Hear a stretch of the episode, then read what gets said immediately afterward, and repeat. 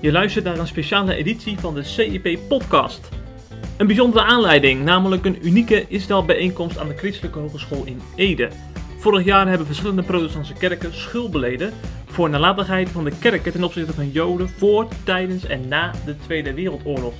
Dominee C.P. de Boer, christelijk gereformeerd, een van de initiatiefnemers van die uh, schuldbeleidenis, citeerde destijds uit de verklaring.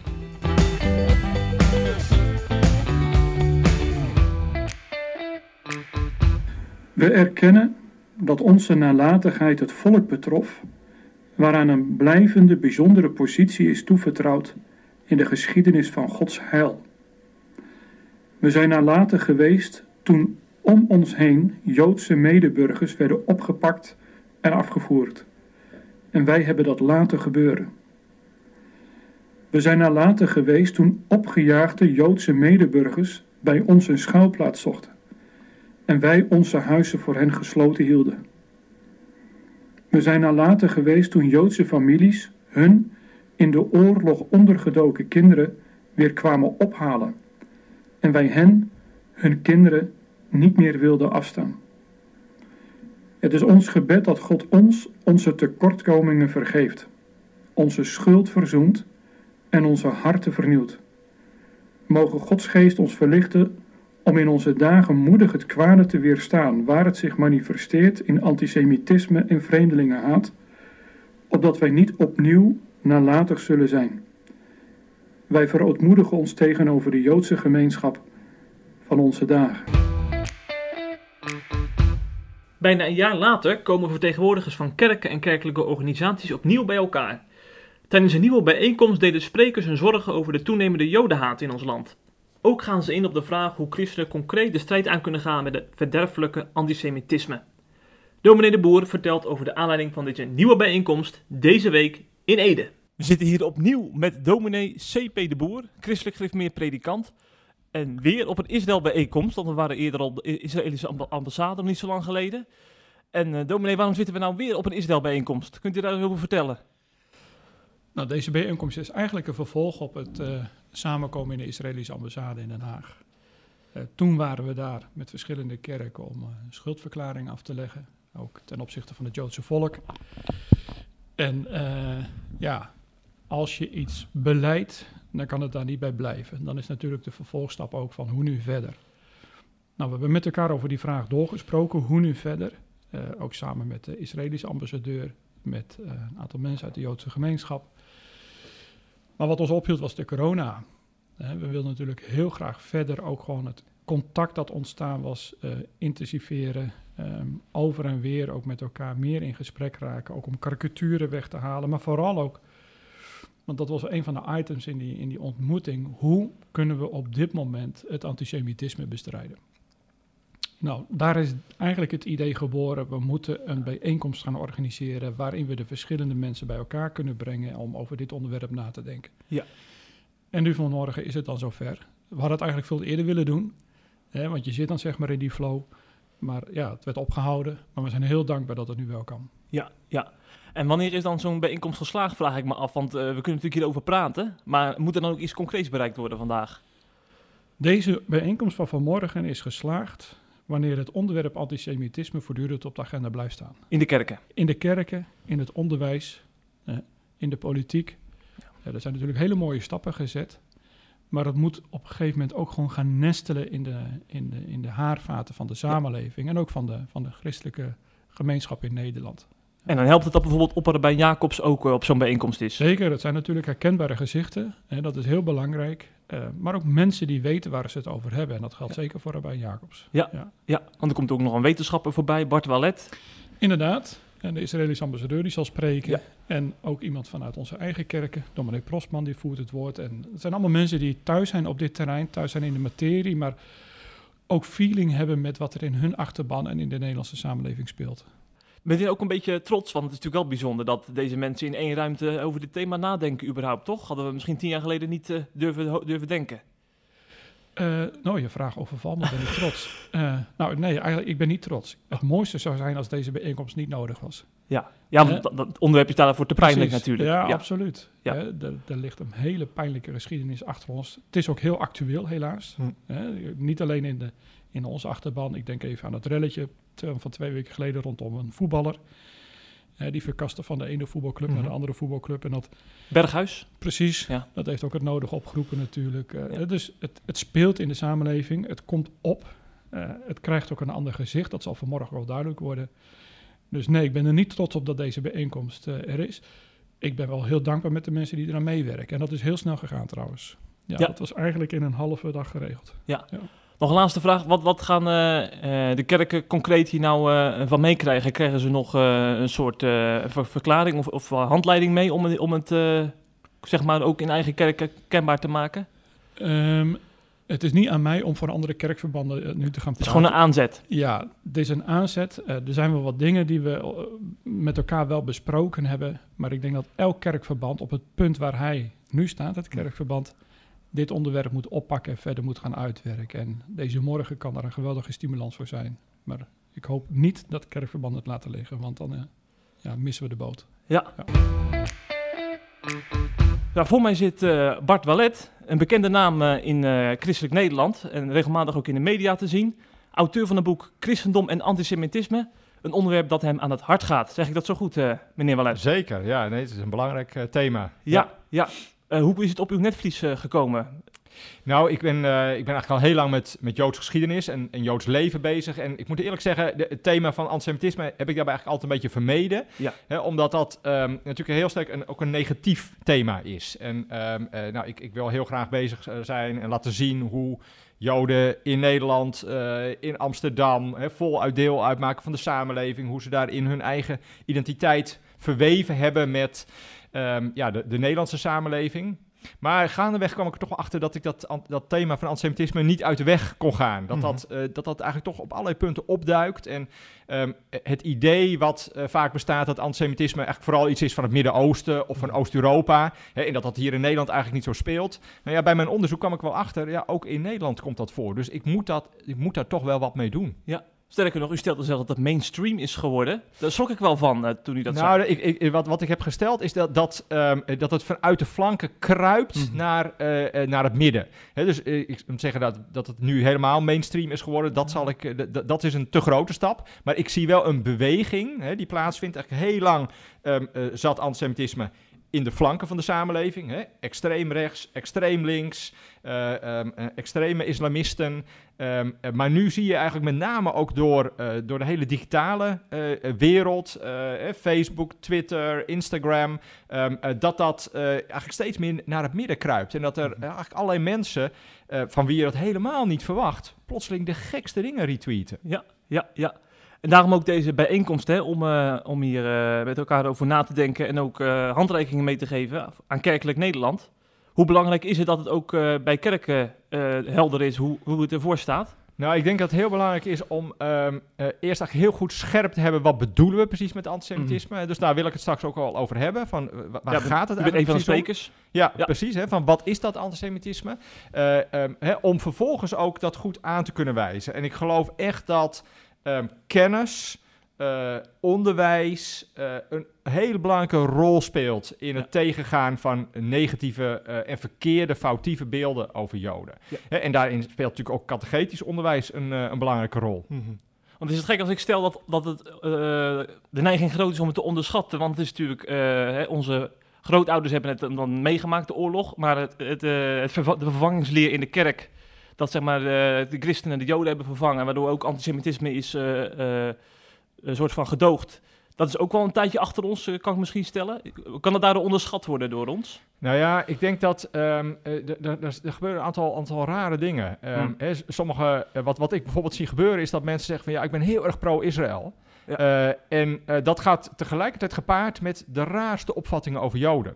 Oh ja. Ehm, dus dan wordt Israël een soort, soort schaamlab gebruikt. Uh, als, als dat maar, als je maar pro-Israël bent, dan is alles goed. Hè, terwijl uh, dat, dat, dat, dat eigenlijk op die manier hou je het thema nog, nog veel te veel op afstand. Dus ik, ik zou echt mensen willen oproepen en ook um, mensen, kerken en christenen in Nederland, ja, om hun, de manier waarop ze praten over Joden, om dat goed tegen het licht te houden. En, en kijken van, deugt dat, klopt dat? Um, is dat is, is, zitten daar toch niet allerlei uh, verkeerde ideeën over Joden die, die naar binnen gekropen zijn, waar je misschien zelfs ook niet eens zo heel erg van bewust bent. Ja. Um, hè, maar daar is juist die kennis weer nodig, dat je dat herkent. Hè, want heel veel van die anti-Joodse ideeën, die worden eigenlijk bijna geruisloos overgedragen van de ene op de andere generatie. Hm. Hè, dat gebeurt niet via, um, uh, nou eens even een, een, een les waarin eens even alles over Joden wordt verteld, maar dat gebeurt door kleine zinnetjes in kinderboeken.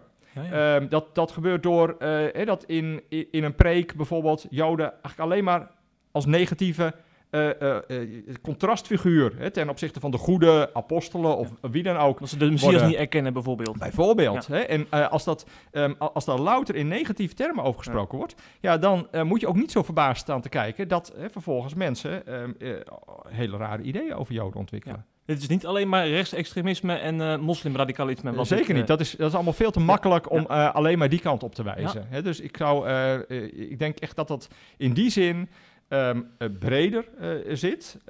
en dat, dat, dat, nou ja, dat, dat, heeft een lange historische achtergrond. Hè, en, nou, omdat, en, en dat moet echt goed herkend worden om dat vervolgens ook bestreden, te kunnen bestrijden. Ja, ja. En wanneer is zo'n bijeenkomst nou geslaagd in uw ogen, zoals vandaag? Nou, ik, ik vind eigenlijk het, het feit dat, dat er hier al mensen uit allerlei hoeken bij elkaar komen om hierover te praten, hè, dat er iets van die urgentie wordt gevoeld, dat vind ik, denk, vind ik al heel erg belangrijk. Um, en um, nou, ik, ik denk dat, uh, dat, dat als ieder, iedereen die hier vandaan komt, uh, in zijn eigen omgeving, dit al meeneemt. En op het moment dat, die, dat, dat je iemand in je omgeving een rare opmerking hoort maken, gelijk hè, op afgaan en zeggen van... joh, hey, weet je eigenlijk wel wat je zegt en, snap je wel wat die achtergrond is? Ik denk dat dit soort kleine stappen, het moet echt van onderaf uh, beginnen. Hè, het, het, het heeft niet zo heel veel zin als er louter allerlei uh, prachtige verklaringen van kerken liggen, als dat niet ook bij het individu, hè, bij, bij de enkeling, begint. Ja, die verklaring is een aanzet en mag nog nou, niet bij, bij blijven, moet een vervolg krijgen. Precies, dat precies. Is de, de inzet ja. van vandaag. Juist, en dat moet vooral ook van onderaf ja. plaatsvinden. Ja. Mooie bedankt voor uw uitleg, meneer Wallet. Graag gedaan. Volgens hoogleraar Bart Wallet kunnen we het over antisemitisme hebben zonder te weten wat het nou precies inhoudt.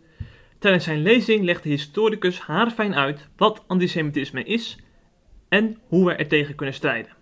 Het is denk ik heel belangrijk om te realiseren dat antisemitisme een gelaagd begrip is.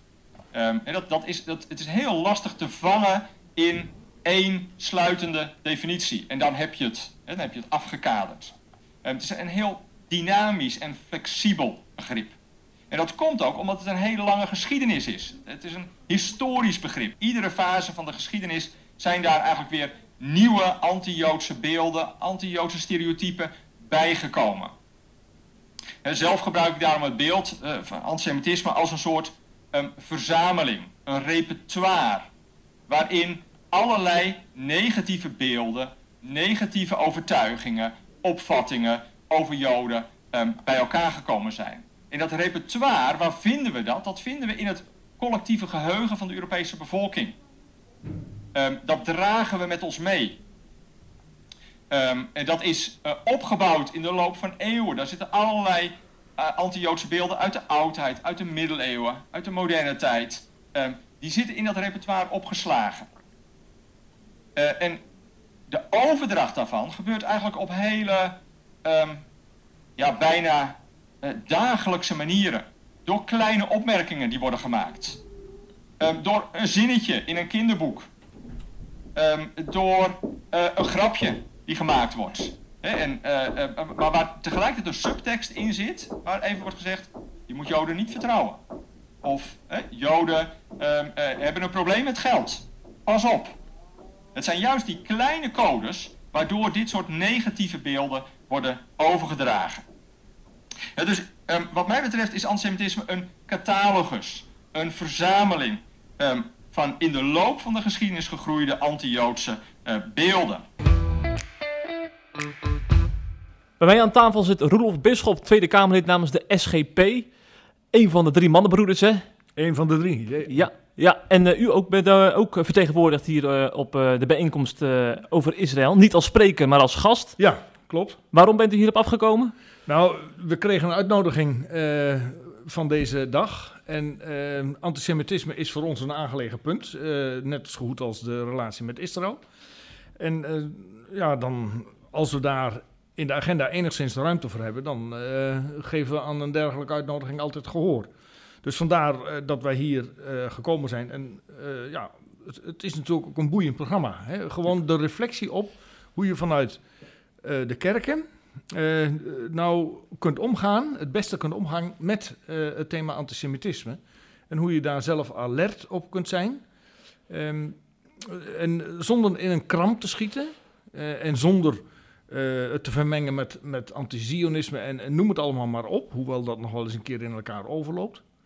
Ja. Um, het, het helpt je uh, uh, voor je toerusting om daar in het politieke debat een weloverwogen standpunt ten opzichte van antisemitisme in te nemen. Ja, in, in, hoeverre is het, mogelijk, is het noodzakelijk dat ook christenen in de spiegel kijken? Want we wijzen natuurlijk ook al graag naar radicale moslims en extreem rechts. Maar moeten wij ook naar onszelf kijken hierin? Ja, ik denk dat het, uh, dat het zonder meer nodig is. Um, inderdaad, ik herinner me nog wel vanuit het verleden dat uh, het argument van bijvoorbeeld de Joden hebben Jezus aan het kruis genageld en die hebben het onheil over zichzelf afgeroepen, dat dat ook in kerkelijke kring nog wel uh, serieus werd uitgedragen. Ook vandaag de dag nog? Nee, nee, nee. Dat, is, dat is in mijn beleving uh, in de laatste 50 jaar die ik in dat opzicht uh, goed kan overzien, is dat echt, echt veranderd. En uh, is men besef van ja, het gedicht van, jo van, van Jacobus Revis, hè, het zijn de Joden niet, Heer hm. Jezus, die u kruisten. En dat, ik ben het. Hè, ik ben het. En dat, dat besef, dat is, heeft zich denk ik in de, in de reformatorische kerken zeker, heeft zich wel verdiept. Ja. En gunstige ontwikkeling. Maar het was vroeger wel een argument, ja. Ja, nou ja, die schuldbeleid is er niet voor niets gekomen. Dat besef uh, is daarin uitgemond, hè, uh, onlangs. En nu is er een follow-up opgekomen. Ja. Ik, daar kunt u natuurlijk alleen maar toejuichen dan dat het in de kerk uh, so sorry is gezegd. Ja, ik denk dat het heel goed is.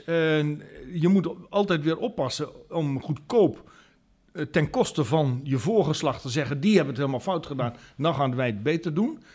dat mag de ondertoon niet zijn. Maar wel in de spiegel kijkend hebben we het als kerkelijke gemeenschap hebben we, zijn we daar voldoende alert op geweest? En dan is het antwoord nee. En dat, dat kun je als kerkje aantrekken. En daar kun je de lessen uittrekken van hoe je daar in de toekomst wel op een evenwichtige manier mee uh, om kunt gaan. Ja. Zeg even concreet, want uh, hoogleraar Bart Palet heeft net geschetst hoe uh, antisemitisme uiting, tot uiting komt in de maatschappij. Ja. Bijvoorbeeld bij complottheorieën, coronademonstraties, voetbalsupporters. Maar dan denk ik van, wij kunnen toch alleen maar uh, dan meneer Bisschop lief aankijken en, om te vragen of die Kamervragen wil indienen. We kunnen toch als mensen heel weinig doen daarin? Ja, nou je kunt je sowieso uitspreken natuurlijk. Hè. Kijk, zwijgen is steun aan geweldhebbers als het uh, in, een, in een conflictueuze situatie uh, is. En wegkijken is steun aan geweldplegers. Hè, dat, dat is wat, wat Bonhoeffer bijvoorbeeld prachtig heeft aangegeven. Uh, en die had er in de praktijk ervaring mee. Um, en natuurlijk, uh, op het moment dat, uh, dat het zich voordoet en dat het de Kamer aangaat, of de politiek, landelijke politiek aangaat, dan stel je daar vragen over. En op die manier probeer je voortdurend ook aandacht te vragen voor het kwaad dat antisemitisme heet.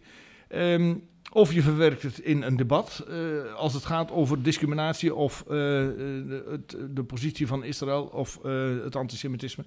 Um, dus je, het is ook een kwestie van dat voortdurend onder de aandacht brengen. Kijk, um, de samenleving zit niet zo in elkaar en mensen zitten niet zo in elkaar dat je extern met eventjes een knop om te zetten het kunt veranderen. Dat moet je je realiseren. Maar het is wel de gestage drup die de steen uitholt. Dat geldt voor antisemitisme. Als dat in praktijk wordt gebracht en het wordt niet weersproken en er wordt niet, geen tegendruk gegeven, dan vreet dat overal in door. Maar het geldt ook voor juist wel tegendruk geven. Juist wel aandacht vragen voor het gevaar van BDS. eh, die, die- De boycottbeweging. Die boycottbeweging. Kauf niet bij Joden. Ik bedoel, eh, dat, dat soort ehm, praktijken, eh, dat zit er in feite, zit er, een vergelijkbaar patroon zit erachter. Door daar wel voortdurend de vinger bij te leggen en dus wel halt en front te maken en te zeggen van ja, maar dit kan niet. Dit is een vorm van antisemitisme. Ehm, daardoor kun je, doe je in elk geval wat je kunt doen. Dat kun je persoonlijk doen. Dat kun je ook op, in het politieke bedrijf doen. Kun je ook als kerk doen. Ehm, wat je kunt doen om dat tegen te gaan. En ik denk dat dat je eerste verantwoordelijkheid is. Ja, u zit natuurlijk in de Tweede Kamer. Eh, staat u hier- hierin alleen? Eh, wordt, er, wordt daar ook weggekeken van eh, antisemitisme? Wat mij opvalt sinds ik dit, deze, dit punt in portefeuille heb. Als je het debat aangaat, en dat neemt ietsje af, dat verschijnsel in mijn beleving. Maar de eerste keren, ik was er bijna over verbaasd hoe reflexmatig dan vanuit de kant van wi- bewindspersonen of van politieke tegenstanders die je interrumperen, hoe reflexmatig dan gezegd wordt: ja, maar islamofobie, ja, maar homofobie, ja, maar andere discriminatie. Ehm, geleidelijk aan, heb ik de indruk, komt het besef, wel iets duidelijker naar voren dat, dat antisemiti- antisemitisme een eigenstandig probleem is. En dat je dat niet moet vermengen met eh, islamofobie of eh, wat voor fobie dan ook. Eh, en dat het een eigenstandige aanpak ook nodig heeft om dat tegen te gaan. Ehm, in die zin eh, heb ik wel hoop dat dat. eh, eh, nou ja, ik, ik, ik hoop dat dat proces zich voortzet. En dat de, eigenstandige, het, de eigenstandigheid van het kwaad van antisemitisme ehm, ook duidelijk aandacht blijft houden.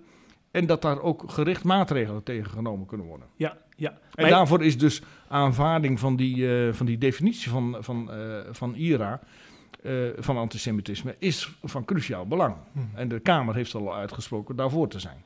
Maar heeft u er vertrouwen in hè, dat, dat de huidige hoofdrolspelers van het aanstaande kabinet, als ik kijk naar Kaag, Rutte en, eh, en andere eh, hoofdrolspelers, dat zij dit echt in het oog hebben? Want zij moeten uiteindelijk hier toch het voortouw innemen. Ja, nou, de, de Kamer die kan uitspraken doen via moties en amendementen. En dan is het dus vervolgend, dat hebben we gezien in Afghanistan, dan is vervolgend de vraag van, ja, de minister die, eh, die, die, die neemt daar kennis van. Maar wat doet zo'n Ja. minister uiteindelijk mee? Die motie ten aanzien van die Afghaanse tolken is gewoon domweg niet Ja. uitgevoerd. Zeker. Eh, het gevaar is volslagen onderkend. En eh, zo gebeurt het ook nog eens met antisemitisme. Je bent er niet met alleen maar een motie indienen en dan blijft de twitteren aanvaard. Nee, er bovenop zitten. Wat is er gebeurd? Wel- welke stappen zijn er onder De onder omzichtrol op, op je nemen. Ja, nou ja, precies. Gewoon eh, zorgen dat dat eh, politieke proces op die manier ook daadwerkelijk gecontroleerd wordt. Dus dat is, dat is een, een, ja, een permanent proces. Nou goed, dat weet je, daar zit je ook voor. En dat moet je ook vooral in de gaten houden. En ehm, eh, je moet niet gaan zitten als Kamer, gaan zitten afwachten eh, totdat er een, ehm, ehm, nou, nou ja, een initiatief van het, van het kabinet komt van dat ze er wat aan gaan doen. Je zult voortdurend eh, eh, er enige druk achter moeten zetten. Nou ja, dat hoort bij je vak. Ten slotte op een schaal van eh 1 tot 10, hoe bezorgd bent u over het antisemitisme in Nederland? In hoeverre is het eh 1 voor 12? Ik zou niet zeggen, eh, zelfs niet zeggen 5 voor 12. Maar ik zou wel zeggen, mensen, eh, let op die klok. Die loopt eh, wel steeds verder richting die 12. En hoe ver dat dan precies is, dat vind ik heel lastig inschatten. Want de tegenbeweging wint ook aan kracht. De, de, de, de, de geluiden tegen antisemitisme verbreden zich ook. En ehm, ja, het, het, eh, de, de- zeker ook de, de, de aanslagen die gepleegd worden op Joodse doelen, zoals recent in, eh, in New York nog bijvoorbeeld, dat een eh, student wordt doodgeschoten. Dat, dat eh, geeft hoe dan ook wel een, een, een schok van, hey, ja, ook wel bij mensen die, die ehm, eh, nou ja, zeg maar antisemitische uitlatingen, eh, dat, nou ja, soms wel met de mond beleiden het problematisch te vinden, maar in de praktijk, als het op stemming aankomt, daar minder waarde aan lijken te hechten. Maar dat, dat zet wel aan tot nadenken van hoe kan dit? En nou ja, ik ben alleen beducht dat, dat ehm, ant- eh, die, die aandacht voor antisemitisme weggedrukt gaat worden doordat bijvoorbeeld de veel grotere populatie van de moslimbevolking, dat die zegt van ja, maar kijk eens naar die varkenskoppen bij ons en kijk eens naar de hakenkruisen en zo. Wij moeten ook, ja, Weer wegkijken dus. ja, en, dan, en dat leidt dan tot een soort wegkijk, een soort vergoeilijking van ja, eh, het is toch nog niet zo heel erg. En daarom is het ook wel heel erg belangrijk dat gewoon incidenten die daadwerkelijk van antisemitische eh, oorsprong zijn, dat die goed onderscheiden worden van incidenten waar eh, iemand van Joodse achtergrond bij betrokken zijn, eh, is. Zonder dat daar nou direct antisemitische motieven bij betrokken zijn. Nou ja, dat, dat zijn wel lastige dingen, om zo te zeggen. Ja. Eén ding is zeker, de Joodse gemeenschap kan op de steun van de SGP rekenen hierin. Absoluut, absoluut. En wij zijn bijvoorbeeld heel blij, daar hebben we ons vanaf het begin voor ingezet. Die, ehm, eh, de, de, de ruiten die eh, ha- bij Hakarmel werden ingeslagen, hebben we gezegd van ja, maar dit heeft een antisemitisch Joodse achtergrond. restaurant in Amsterdam. Hè? Het Joodse restaurant in Amsterdam. Eh, Daar zijn we ook eh, als eh, steun, eh die eerste keer dat gebeurde, eh, wezen eten. Ja. s S'avonds, althans een deel van onze fractie die in de gelegenheid was. En ehm, later gebeurt er nog eens een keer. En eh, eindelijk zie je dan dat een eh, rechtbank zegt van ja, wacht even. Hier zit wel een terroristisch of antisemitisch motief achter. Ja. ja, dat was de eerste keer natuurlijk ook al. Alleen toen werd nog weggekeken. Maar dan herhaalt het zich. En dan, ja, dan kun je niet meer wegkijken. En dat is natuurlijk ook een proces.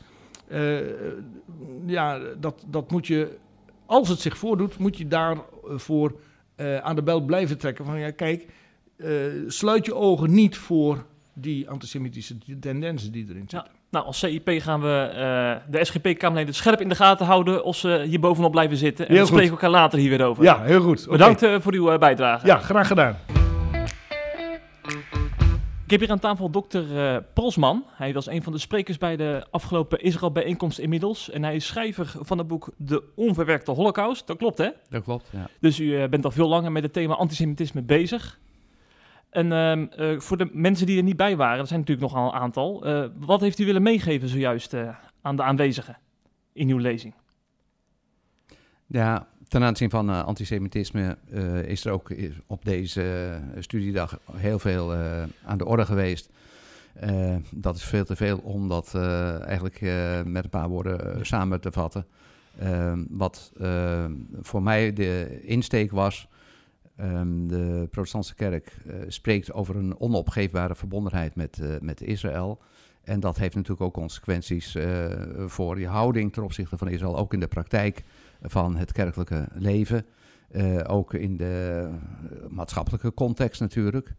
Ehm, wat betekenen dan die woorden? Hoe klinkt dat als je spreekt over een onopgeefbare verbondenheid met Israël? Betekent dat dan je helemaal geen kritiek mag hebben op Israël? Dat je eh, het lot van de Palestijnen maar onverschillig aan je voorbij moet laten gaan? Nou, dat betekent het bepaald niet. Maar eh, het betekent wel dat, dat we de geschiedenis niet vergeten. Wat er eh, in de afgelopen 2000 jaar gebeurd is. En natuurlijk vooral ook tijdens de Tweede Wereldoorlog. Ehm, en dat betekent dat de kerk toch een heel moeizame en moeilijke geschiedenis eh, achter zich eh, heeft. Ja. En eh, telkens blijkt ook weer dat het ook vandaag de dag nog moeilijk is om dat goed te verwerken. En ook daarin een evenwichtige, maar ook heel duidelijke houding in aan te nemen.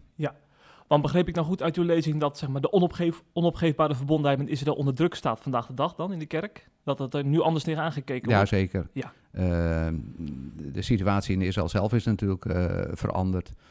Eerst, eh, en dan denken we terug natuurlijk aan 1948, enthousiasme dat uiteindelijk na zoveel eeuwen eh, het volk Israël weer een eigen land en staat had.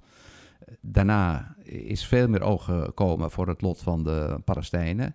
Ehm, ja, eh, het wordt ook zo voorgesteld dat het eh, land zonder meer bezet is door Israël. En eh, dat niemand zich eigenlijk echt bekommert om het lot van de, van, de, van de Palestijnen.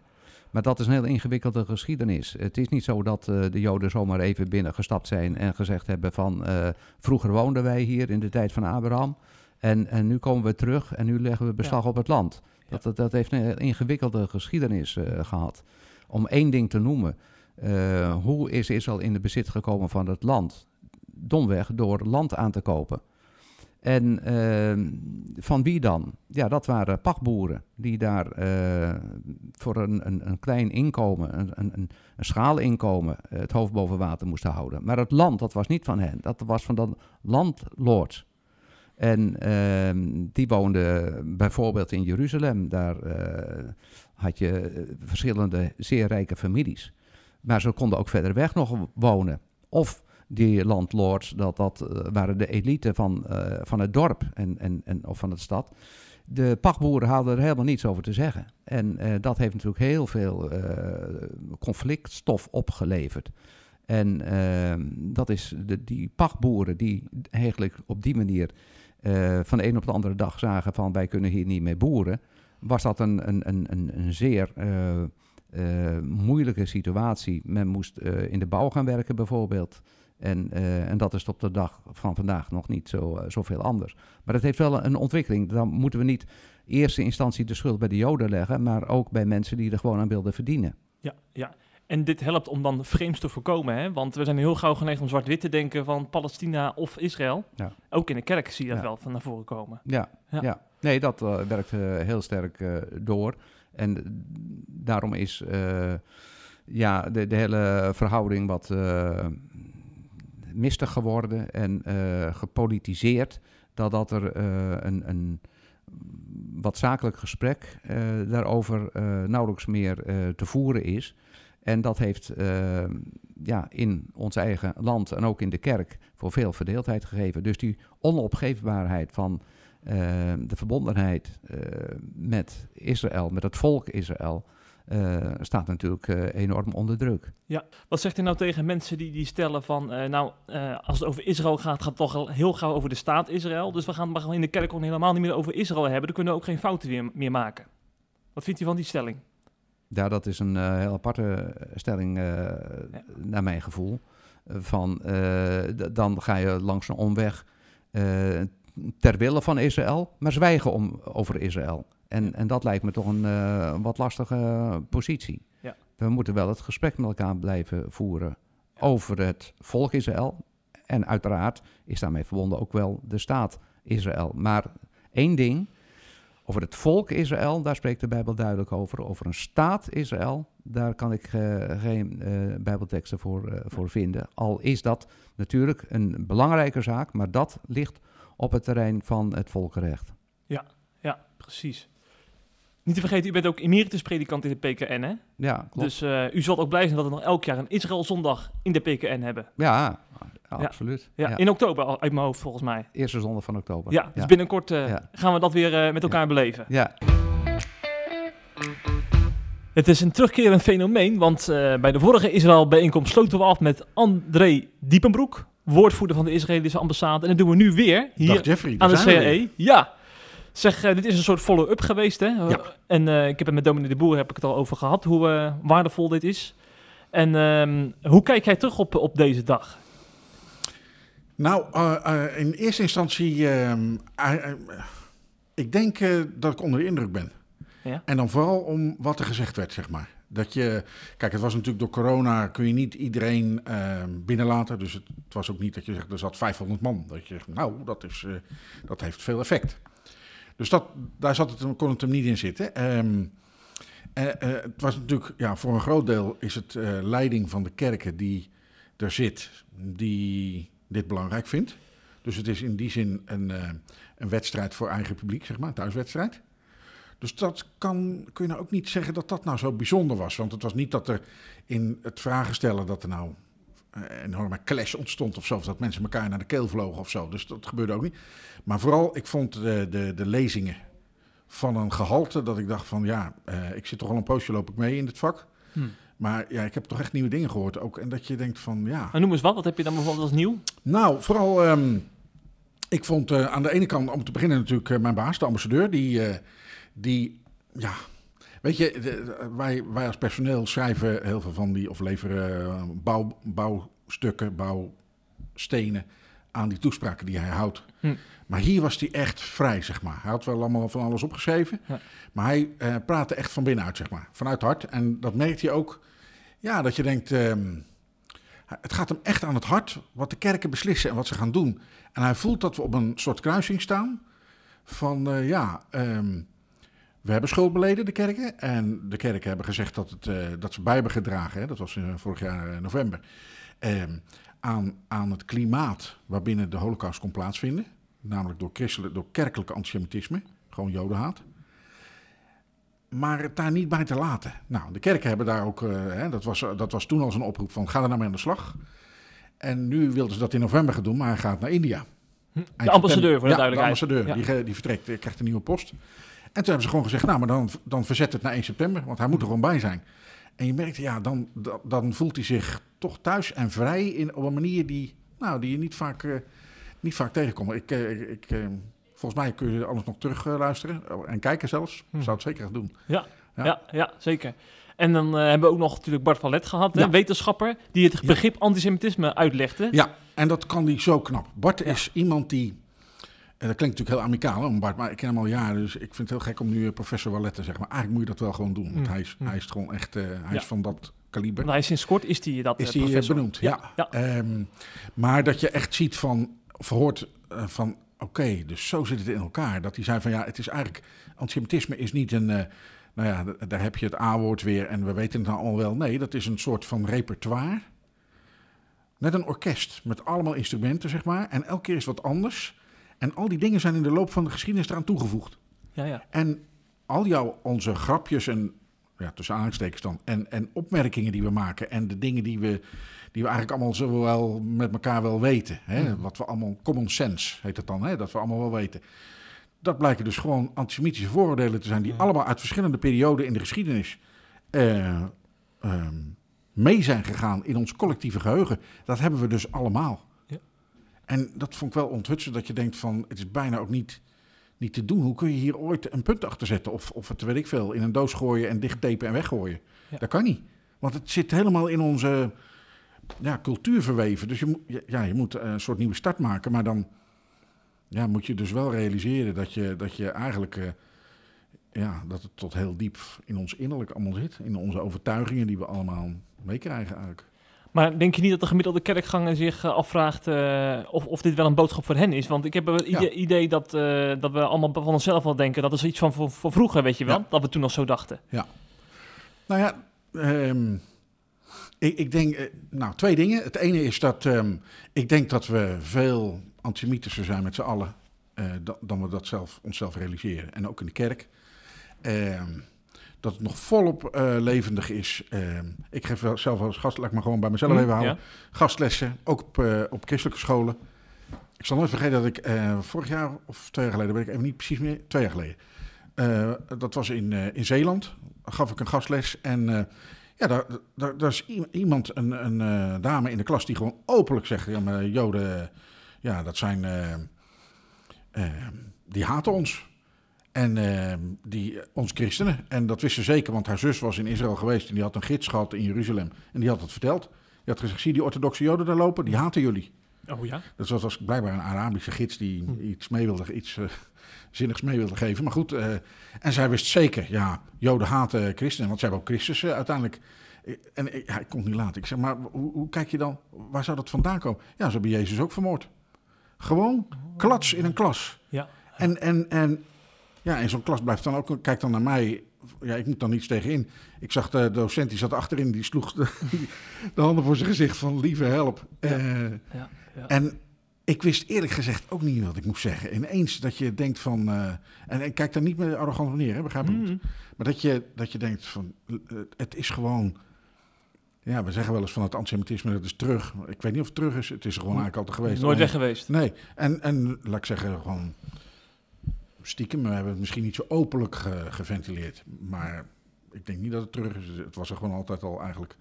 En dat je dat, je dat gewoon ook echt merkt. Ik vind...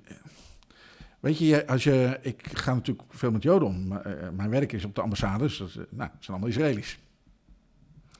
En ik moet zeggen, eh, zoals vanochtend ook, de, de, de opening is er dan. En ik zat natuurlijk naast de ambassadeur, want ik moest vertalen alles. En dan luister je toch voor de Israëli's. Ja. Voor de Joden een beetje.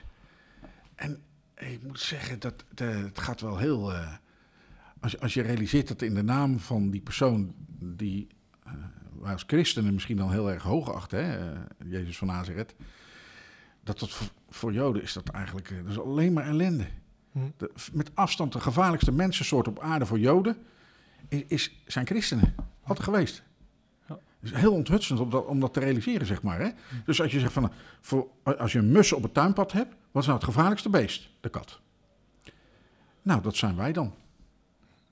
Maar heel veel mensen weten dat nou? Hoe kan het nou, weet je wel? Heel veel van- mijn generatie weten dat volgens mij niet. Nee, hoor, dat het zo ernstig is geweest. Ja. Heeft natuurlijk mee te maken dat er weinig Joden zijn, zeg maar meer. Ja. Ja, dat is natuurlijk is ook alweer heel eh, treurig, want het is natuurlijk, heeft alles met de holocaust te maken. En ehm, ja, daarna zijn, zijn verweg de meeste Joden naar Israël geëmigreerd uit Nederland dan. Dus ja, je hebt ook weinig Joden meer om je heen eigenlijk, zeg maar. Ehm, en weet je, het is ook... ehm, naarmate de afstand tot de Tweede Wereldoorlog ook toeneemt, is dat, ja, wordt het toch wat vager, dat beeld, als het ware, denk ik. En, en eh, ja, dan speelt het ook niet meer zo'n rol. En dan raakt het allemaal een beetje naar de achtergrond. En dan denk je, nou, antisemitisme? Nou, wel nee. We hebben toch geen hekel of zo aan, eh, aan Joden. En dan ineens staat er iemand op die zegt, ja, maar ze hebben wel... eh, en ze deugen toch niet helemaal, want... En zulke soort dingen. En ik denk, hè, maar dat was toch voorbij? Ja, ja. Kortom, eh, de noodzaak van, eh, van deze bijeenkomst wordt daardoor onderstreept Ja. door dit soort anekdotes. Dat is niet makkelijk, hè? Want ehm, wat steeds benadrukt werd, wat, wa- werd was eh, informatie verstrekken, ehm, onderwijs. Ja, we komen heel vaak terug. Ja. Prachtig. ja, heel veel school Prachtig. gehoord. Maar wat gaan we dan precies zeggen? Mhm. En eh, ik geef gastlessen op scholen, dus ik kan wel op voor een school wel iets zeggen. Maar hoe ga je dat in de kerk doen? Want, want ja, om te beginnen zijn er al heel veel eh, predikanten en kerkleden die, die vinden helemaal niet dat er iets veranderd moet worden. Dus dat moet je eerst gaan, daar moet je eerst voor knokken. Dat er inderdaad nagedacht gaan worden van, hè, nou, we moeten iets gaan veranderen. Nou, dan moet je gaan zoeken wat dan. Nou ja, als je naar, naar, ehm, naar gereformeerde kerken kijkt, hè, de kerk uit de reformatie, eh, uit de traditie van de reformatie, die hebben dan beleidenisgeschriften, zijn zeg maar grondleggende documenten. Ja, daar staan dingen in dat Israël gewoon voorbij is. Dat Israël, dat, dat is nu de kerk. Vervangingstheologie. Vervangingstheologie, nou ja, dat, dat is de eerste stap om te zeggen van, nou ja, Joden zijn niet meer belangrijk, die doen er ook niet meer toe. Ja, dan kun je ze ook net zo goed eh weggummen, zeg maar. Hm, hm. Toch? Ja. Zo is het gegaan. Ik praat geen onzin, dat is echt gebeurd zo. En, en uiteindelijk leidt dat ertoe dat mensen eh, het lot van Israël en het lot van bijvoorbeeld de Joodse gemeenschap in Nederland ook, ook geen bal interesseert. Echt niks.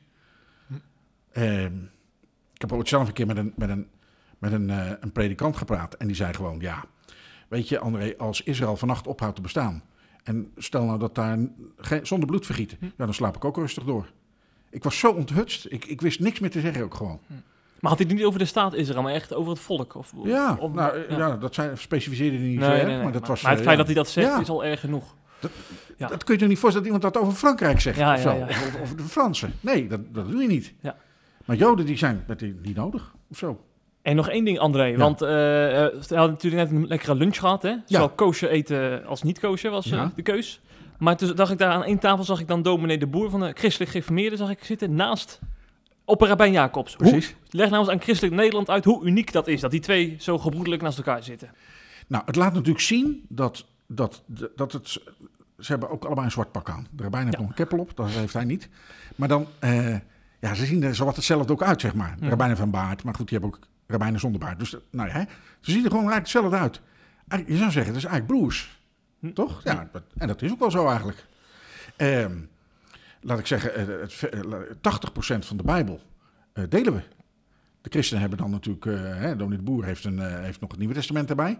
En Rabijn Jacobs heeft eh, dat eh, de Talmud. Maar goed, hè, dus, eh, maar het grootste deel van het bronnenmateriaal is hetzelfde. Verreweg het grootste deel. En als je dan kijkt naar dat Nieuwe Testament, dat is eigenlijk het groot citatenboek van het Oude Testament. Om het maar even zo te zeggen. Hm. Dus het is, eigenlijk is het ook logisch dat het elkaar broers zijn. Want het ene, Dominee de Boer, is het jongere broertje, om het eens even zo te zeggen, van op Rabijn Jacobs. Ik denk dat ik ze nu allebei aan de telefoon heb hangen vanavond. nou ja. Eh, hè, dus, de- de- nou, dan zou je zeggen, dat ligt toch voor de hand eigenlijk een soort van, hè? Ja, het, komt uit elkaar eh, voort.